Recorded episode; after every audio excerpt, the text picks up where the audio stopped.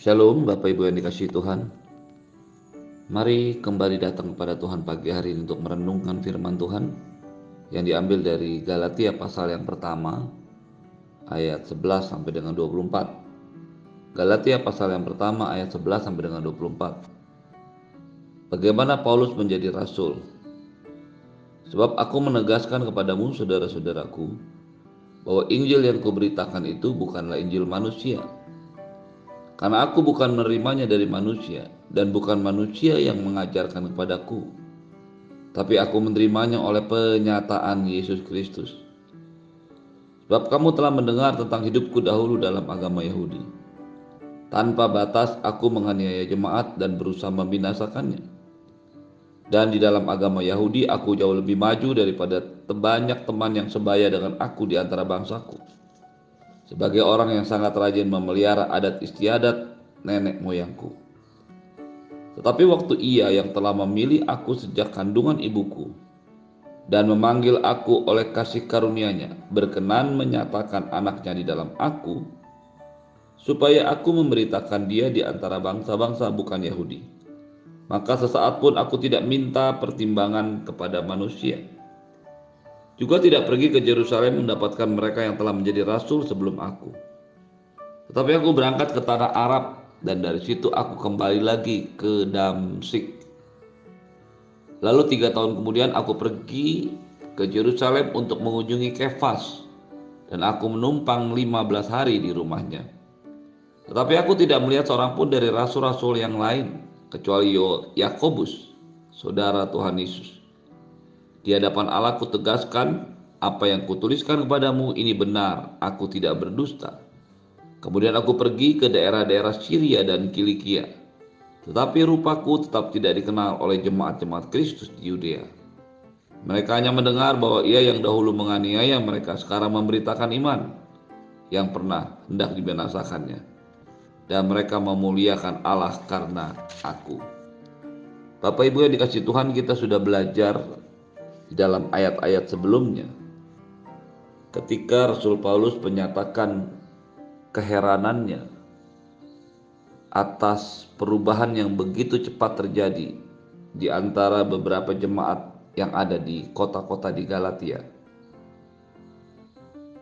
Paulus dengan tegas menyatakan sikap hati dan hidupnya bahwa dia adalah hamba Kristus yang tidak mencari kesukaan manusia. Yang dicari oleh Paulus hanyalah kesukaan atau perkenanan Allah. Hal ini merupakan sebuah petunjuk penting untuk kita bisa memahami ayat-ayat yang kita baca selanjutnya. Ketika Paulus menyatakan dirinya bahwa dia berani untuk menyatakan semua kebenaran yang menyukakan hati Allah tanpa takut resiko apa pun yang diambil. Alih-alih dia berdamai atau mencoba mencari kompromi kesukaan manusia, Paulus tetap memutuskan untuk mencoba selalu berkenan kepada Allah. Itu sebabnya di dalam ayat yang ke-11 firman Tuhan mengatakan Sebab aku menegaskan kepadamu saudara-saudaraku bahwa Injil yang kuberitakan itu bukanlah Injil manusia. Karena aku bukan menerimanya dari manusia dan bukan manusia yang mengajarkannya kepadaku, tetapi aku menerimanya oleh penyataan Yesus Kristus. Ketika Anda dan saya memutuskan untuk berkenan kepada Allah, tidak mencoba mencari perkenanan atau pujian dari manusia, maka Allah akan menyatakan dirinya kepada kita. Hal ini sesuai dengan apa yang diajarkan oleh Tuhan Yesus kepada murid-muridnya dalam Yohanes 14 ayat 21. Pada siapa memegang perintahku dan melakukannya dialah yang mengasihi aku. Dan barang siapa mengasihi aku ia akan dikasihi oleh Bapakku dan aku pun akan mengasihi dia dan menyatakan diriku kepadanya perkenanan yang diterima oleh Paulus dari Allah merupakan buah daripada sikap hatinya untuk memegang kebenaran firman Tuhan, untuk memegang keyakinannya menyenangkan Tuhan. Ketika beberapa orang bertanya mengapa dalam hidupnya mereka tidak mengalami perkenanan atau penyataan Allah, haruslah kita berdiri di hadapan Tuhan dengan hati nurani yang murni dan terbuka untuk menyatakan siapakah diri kita sebenarnya. Apakah yang memang Anda dan saya cari dalam hidup ini? Ketika Paulus memutuskan untuk berkenan hanya kepada Allah, Kebenaran apa pun yang diterimanya akan dihidupi, akan diajarkan dan dinasihati kepada banyak orang. Entahkah orang itu menerima atau setuju atau tidak. Yang ada dalam benak, yang ada dalam pikiran, yang ada dalam prinsip hidup Paulus adalah bagaimana dia mencoba berkenan dan menyenangkan Tuhan. Mengapa semua itu dikerjakannya? Karena memang dia menerima penyataan dari Tuhan Yesus. Injil yang diberitakan, kebenaran yang diberitakan, yang dituliskan, yang Anda dan saya baca dalam firman Tuhan ini, bukan Injil manusia, artinya bukan diberikan dan bukan diajarkan kepada Paulus oleh seorang manusia, tapi merupakan sebuah penyataan Yesus Kristus. Kata penyataan Yesus Kristus itu berasal dari bahasa Yunani apokalipsis, apokalipto yang diterjemahkan sebagai penyataan. Tetapi sebenarnya bisa juga diterjemahkan atau lebih tepat dikatakan sebagai sebuah manifestasi, revelation, pewahyuan. Suatu yang awalnya tidak terlihat tetapi kemudian muncul dan nyata. Penyataan Tuhan Yesus Kristus inilah yang diterima oleh Paulus ketika ia dalam perjalanannya menuju Damsik. Tiba-tiba melihat sebuah cahaya yang menyilaukan matanya dan satu suara yang mendengar yang terdengar oleh Paulus. Ini adalah sebuah penyataan Tuhan Yesus.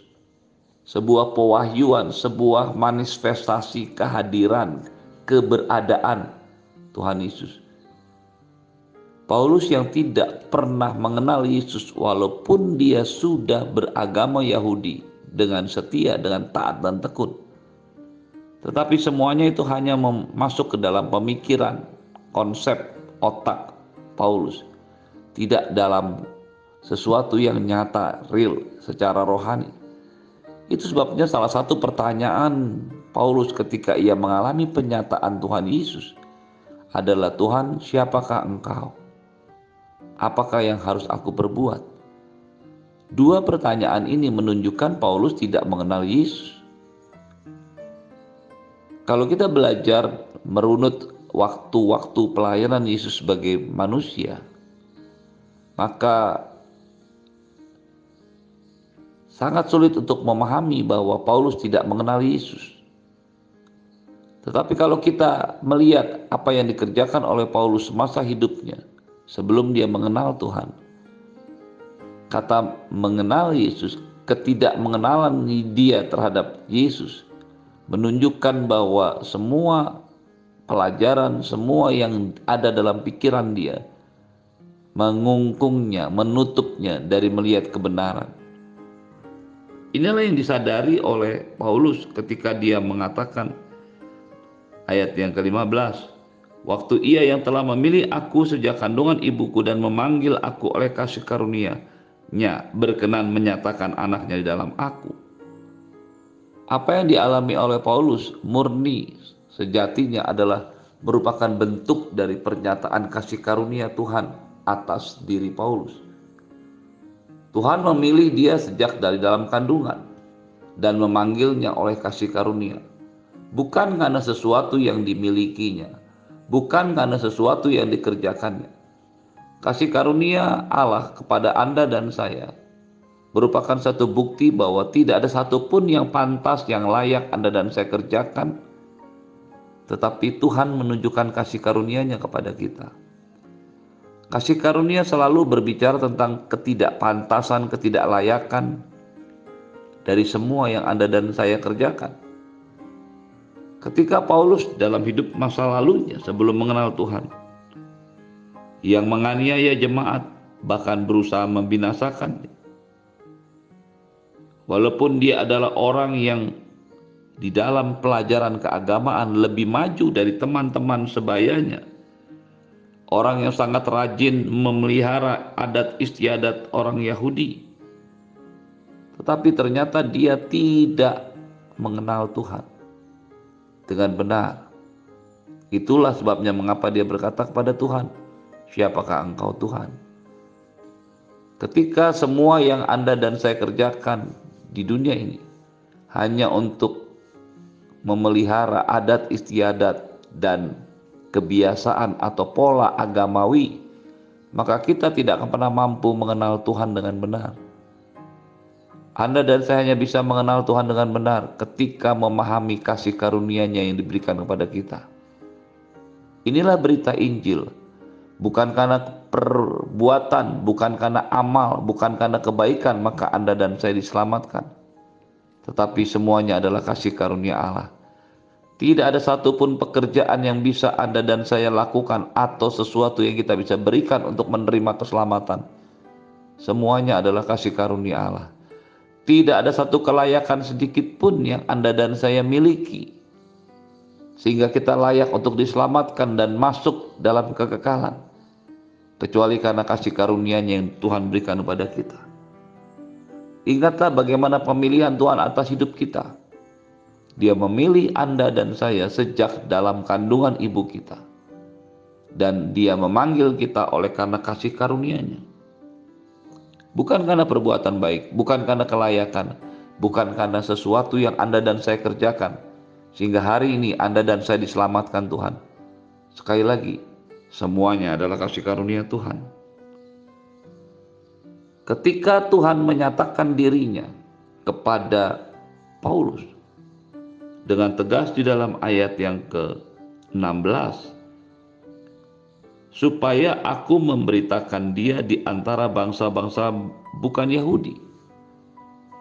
Ini adalah tujuan penyataan Tuhan Yesus kepada Paulus. Dan inilah juga menjadi dasar bagi sebuah alasan mengapa Tuhan Yesus menyatakan dirinya kepada Paulus.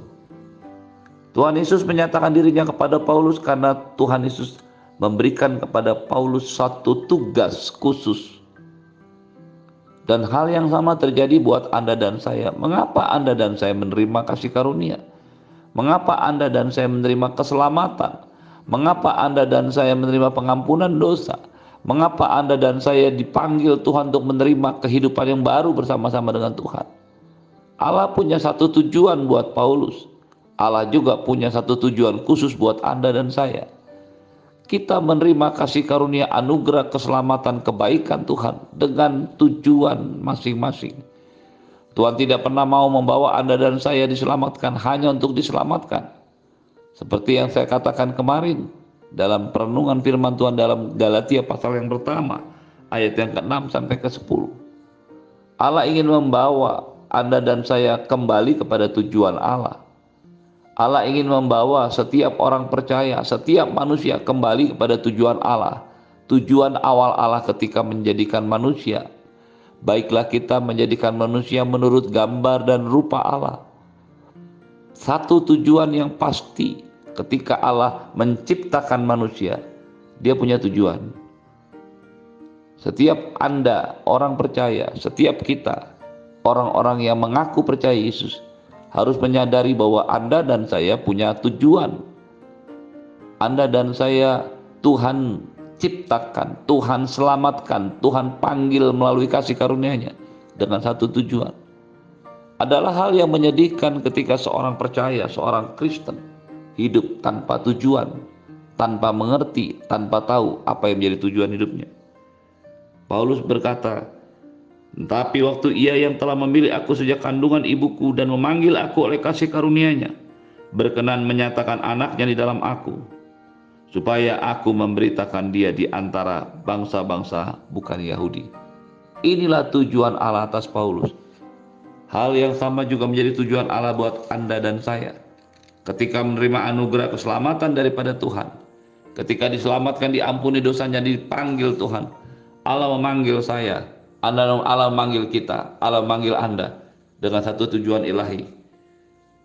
Ketika akhirnya Paulus pergi ayat 21 berkata, "Aku pergi ke daerah-daerah Syria dan Kilia. Rupaku tetap di, tidak dikenal oleh jemaat-jemaat Kristus di Yudea." Mereka hanya mendengar bahwa ia yang dahulu menganiaya mereka sekarang memberitakan iman yang pernah hendak dibinasakannya. Dan mereka memuliakan Allah karena aku. Ketika Paulus tahu tujuan hidupnya dan dia hidup dengan tujuan Allah, maka dia memuliakan Allah. Apa yang terjadi ketika Anda dan saya tahu apa tujuan Allah dalam hidup kita dan kita lakukan, maka mereka akan memuliakan Allah semua orang akan memuliakan Allah karena hidup Anda, karena pekerjaan Anda, karena profesi Anda, karena pelayanan Anda. Ketika ini terjadi, kita kembali kepada tujuan semula Allah menciptakan Anda dan saya sebagai manusia, menciptakan manusia segambar dan serupa dengan Allah untuk menyatakan kemuliaan Allah. Pastikan hidupmu hari-hari ini memuliakan Allah karena engkau tahu apa yang menjadi tujuan Allah atas hidupmu. Terimalah berkat yang berlimpah dari Bapa di surga, cinta kasih dari Tuhan Yesus, penyertaan yang sempurna daripada Roh Kudus menyertai hidupmu hari ini dan sampai selama-lamanya. Di dalam nama Tuhan Yesus semua yang percaya katakan amin. Shalom, selamat pagi, selamat memuliakan Allah.